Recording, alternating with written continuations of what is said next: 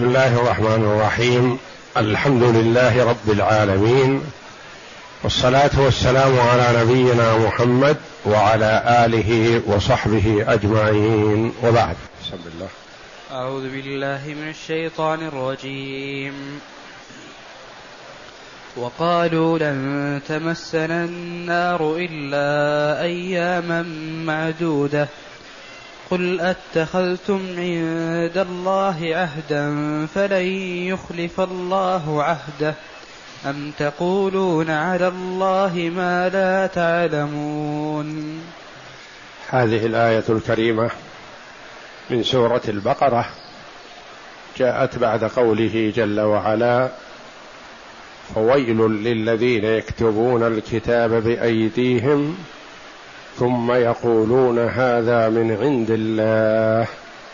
ليشتروا به ثمنا قليلا فويل لهم مما كتبت أيديهم وويل لهم مما يكسبون.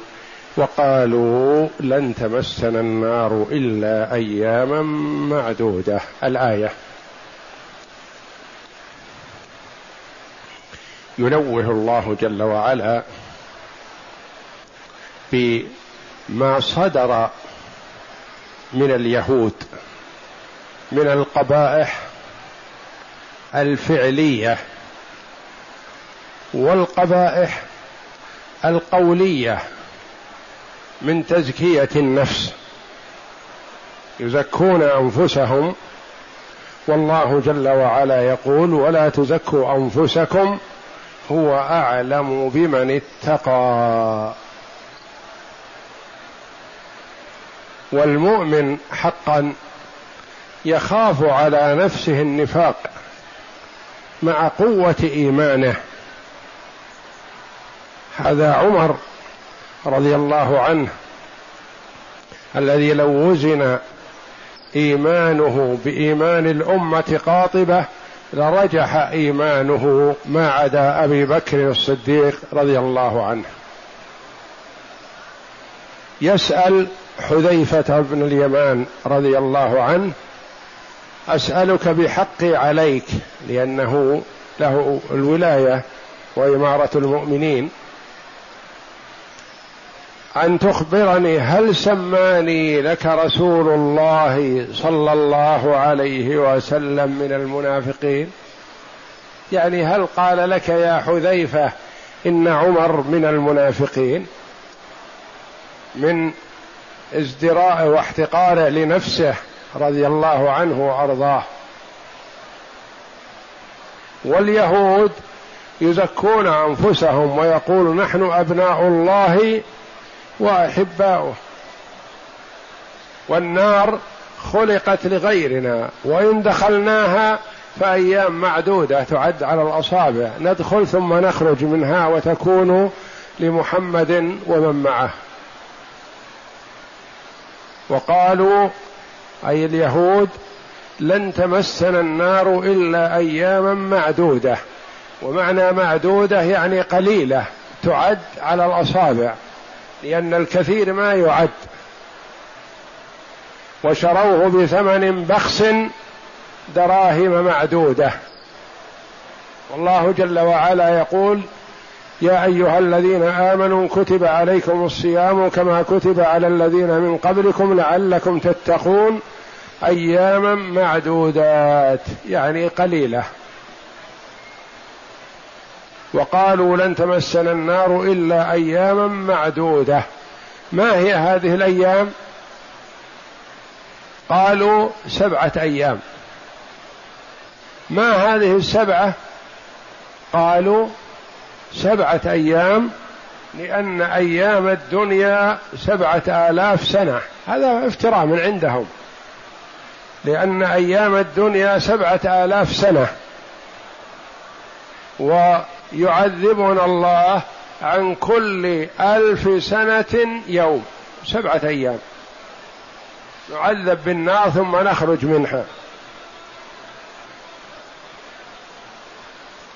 أياما معدودة. وقيل المراد بالأيام المعدودة هذه أربعين يوما. يقول نعذب في النار أربعين يوما ثم نخرج منها وتكون لغيرنا. ما هذه الأربعين؟ قالوا هذه الأربعون هي التي عبد أسلافنا فيها العجل أربعين يوم. عبدوا العجل أربعين يوم فنعذب في النار أربعين يوما. قال بعضهم هذه الأربعين يوم لأن الله جل وعلا غضب علينا وأقسم بأن يعذبنا فسيعذبنا أربعين يوما تحلة القسم. تحلة القسم. وقالوا أربعين يوما هذه عرض النار من طرف إلى طرف. عرضها أربعون خريفا. عن كل خريف يوم عن كل سنة يعني يوم. نعذب أربعين يوم ثم نخرج منها. نحن نقطعها في أربعين يوم وهي عرضها أربعون سنة. وكلها افتراءات على الله جل وعلا. وقالوا لن تمسنا النار إلا أياما معدودة. قل لهم يا محمد. قل يا محمد. أتخذتم عند الله عهدا فلن يخلف الله عهده أم تقولون على الله ما لا تعلمون؟ هذا القول من أين أتيتم به؟ هذا القول من أين أتيتم به؟ لا يخلو من أمرين. إما كذا أو كذا ولا ثالث لهما. إما أن عندكم عهد من الله فالله جل وعلا لا يخلف عهده. وأبشروا بأن الله سيحقق لكم ذلك فأبرزوه حتى نصدقكم إن كان عندكم عهد من الله جل وعلا فلن يخلف الله عهده. أم أن هذا قول على الله بلا علم فالويل لكم. لا يخلو قولكم هذا من أمرين لا ثالث لهما. إما أن عندكم عهد بأن الله لن يعذبكم في النار إلا أياما معدودة. سبعة أيام أو أربعين يوما. فإذا كان عندكم من الله عهد فالله جل وعلا جرت سنته في خلقه أنه لا يخلف عهده ولا يخلف وعده. أم أن هذا قول على الله بلا علم؟ وهذا هو الواقع. أن هذا قول على الله بلا علم فالويل لكم. قل أتخذتم عند الله عهدا يعني وعدكم الله ذلك فلن يخلف الله عهده. والعهد هو الموثق يكون بين الناس ووعد الله جل وعلا لكونه لا يخلف بمثابة العهد. وإلا فليس معناه أن الله عاهدهم أو أن الله يعاهد أحدا من خلقه وإنما لكون وعد الله لا يخلف فهو بمثابة العهد الذي يكون بين الناس بعضهم مع بعض. فلن يخلف الله عهده أم بمعنى بل بل تقولون على الله ما لا تعلمون. بل تقولون على الله ما لا تعلمون. تقولون على الله بلا علم. والقول على الله بلا علم جعله الله جل وعلا قرين الشرك بل أعظم منه أشد منه اثما أشد من الشرك لأن فيه الشرك وزيادة. قل إنما حرم ربي الفواحش ما ظهر منها وما بطن والإثم والبغي بغير الحق وأن تقولوا على الله ما لا تعلمون. وجعل الله جل وعلا القول عليه بلا علم أعظم من الشرك. لما؟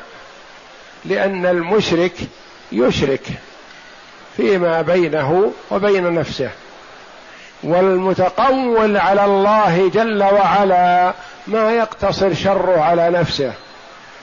يقول القول الهرى والباطل والكذب والإفك وينسبه إلى الله تعالى الله. فهو أعظم إثما من الشرك. أم تقولون على الله ما لا تعلمون؟ وجاء في الحديث الصحيح فيما رواه البخاري وغيره أن النبي صلى الله عليه وسلم لما فتح خيبر دعاه بعض اليهود وجعلوا له شاة مسمومة بالسم. فحمى الله جل وعلا رسوله صلى الله عليه وسلم منها ثم دعاهم قال اجمعوا لي من هنا من اليهود فجمعوهم فقال إن سألتكم تخبروني؟ قالوا نعم. قال من أبوكم؟ قالوا أبونا فلان. قال كذبتم بل أبوكم فلان. قالوا صدقت يا أبا القاسم. قال إن سألتكم عن شيء تخبروني؟ قالوا نعم نخبرك وإن كذبنا عليك فستعلم ذلك كما علمت عن أبينا. فقال من أهل النار؟ قالوا نحن سبعة أيام ثم نخرج منها تخلفوننا أنتم فيها. قال كذبتم. بل أنتم خالدون مخلدون في النار. قال إن سألتكم عن شيء ما تخبروني قالوا نعم نخبرك. قال هذه الشاة أجعلتم فيها سم؟ قالوا نعم. قال وما حملكم على ذلك؟ قالوا قلنا إن كان كاذبا استرحنا منه وإن كان نبيا فلن تضره.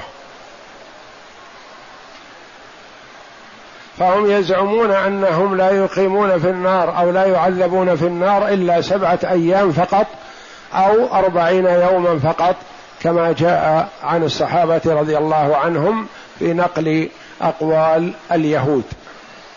أقرأ.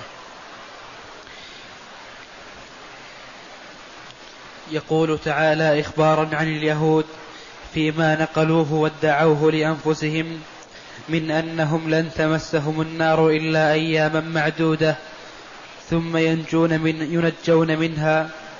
فرد الله عليهم ذلك بقوله تعالى قل أتخذتم عند الله عهدا. أي بذلك فإن كان قد وقع وقع عهد فهو لا فهو لا يخلف عهده ولكن هذا ما جرى ولا كان ولهذا أتى بأم التي بمعنى بل أي بل تقولون على الله ما لا تعلمون من الكذب والإفتراء عليه. قال مجاهد عن ابن عباس إن اليهود كانوا يقولون إن هذه الدنيا سبعة آلاف سنة وإنما نعذب بكل ألف سنة يوما في النار وإنما هي سبعة أيام معدودة. فأنزل الله تعالى وقالوا لن تمسنا النار إلا أياما معدودة. إلى قوله خالدون. وقال العوفي عن ابن عباس قالوا لن تمسنا النار إلا أربعين ليلة وهي مدة عبادتهم العجل. وقال قتادة وقالوا لن تمسنا النار إلا أياما معدودة. يعني الأيام التي عبدنا فيها العجل. وقال عكرمة خاصمت اليهود رسول الله صلى الله عليه وسلم فقالوا لن ندخل النار إلا أربعين ليلة وسيخلفنا فيها قوم آخرون يعنون محمدا صلى الله عليه وسلم وأصحابه. فقال رسول الله صلى الله عليه وسلم بيده على رؤوسهم بل أنتم خالدون ومخلدون لا يخلفكم فيها أحدا. فأنزل الله عز وجل وقالوا لن تمسنا النار إلا أياما معدودة. الآية وعن أبي هريرة رضي الله عنه قال لما فتحت خيبر أهديت لرسول الله صلى الله عليه وسلم شاة فيها سم. فقال رسول الله صلى الله عليه وسلم اجمعوا لي من كان من من كان من اليهود هنا. فقال لهم رسول الله صلى الله عليه وسلم من أبوكم؟ فقالوا فلان. قال كذبتم بل أبوكم فلان. فقالوا صدقت وبررت. ثم قال لهم هل أنتم صادقي عن شيء إن سألتكم عنه؟ قالوا نعم يا أبا القاسم وإن كذبناك عرفت كذبنا كما عرفته في أبينا. فقال لهم رسول الله صلى الله عليه وسلم من أهل النار فقالوا نكون فيها يسيرا ثم تخلفوننا فيها. فقال لهم رسول الله صلى الله عليه وسلم اخسأوا والله لا نخلفكم فيها أبدا. ثم قال لهم رسول الله صلى الله عليه وسلم هل أنتم صادقي عن شيء إن سألتكم عنه؟ قالوا نعم يا أبا القاسم. قال هل جعلتم في هذه الشاة سما؟ فقالوا نعم قال فما حملكم على ذلك؟ فقالوا أردنا إن كنت كاذبا أن نستريح منك وإن كنت نبيا لم يضرك.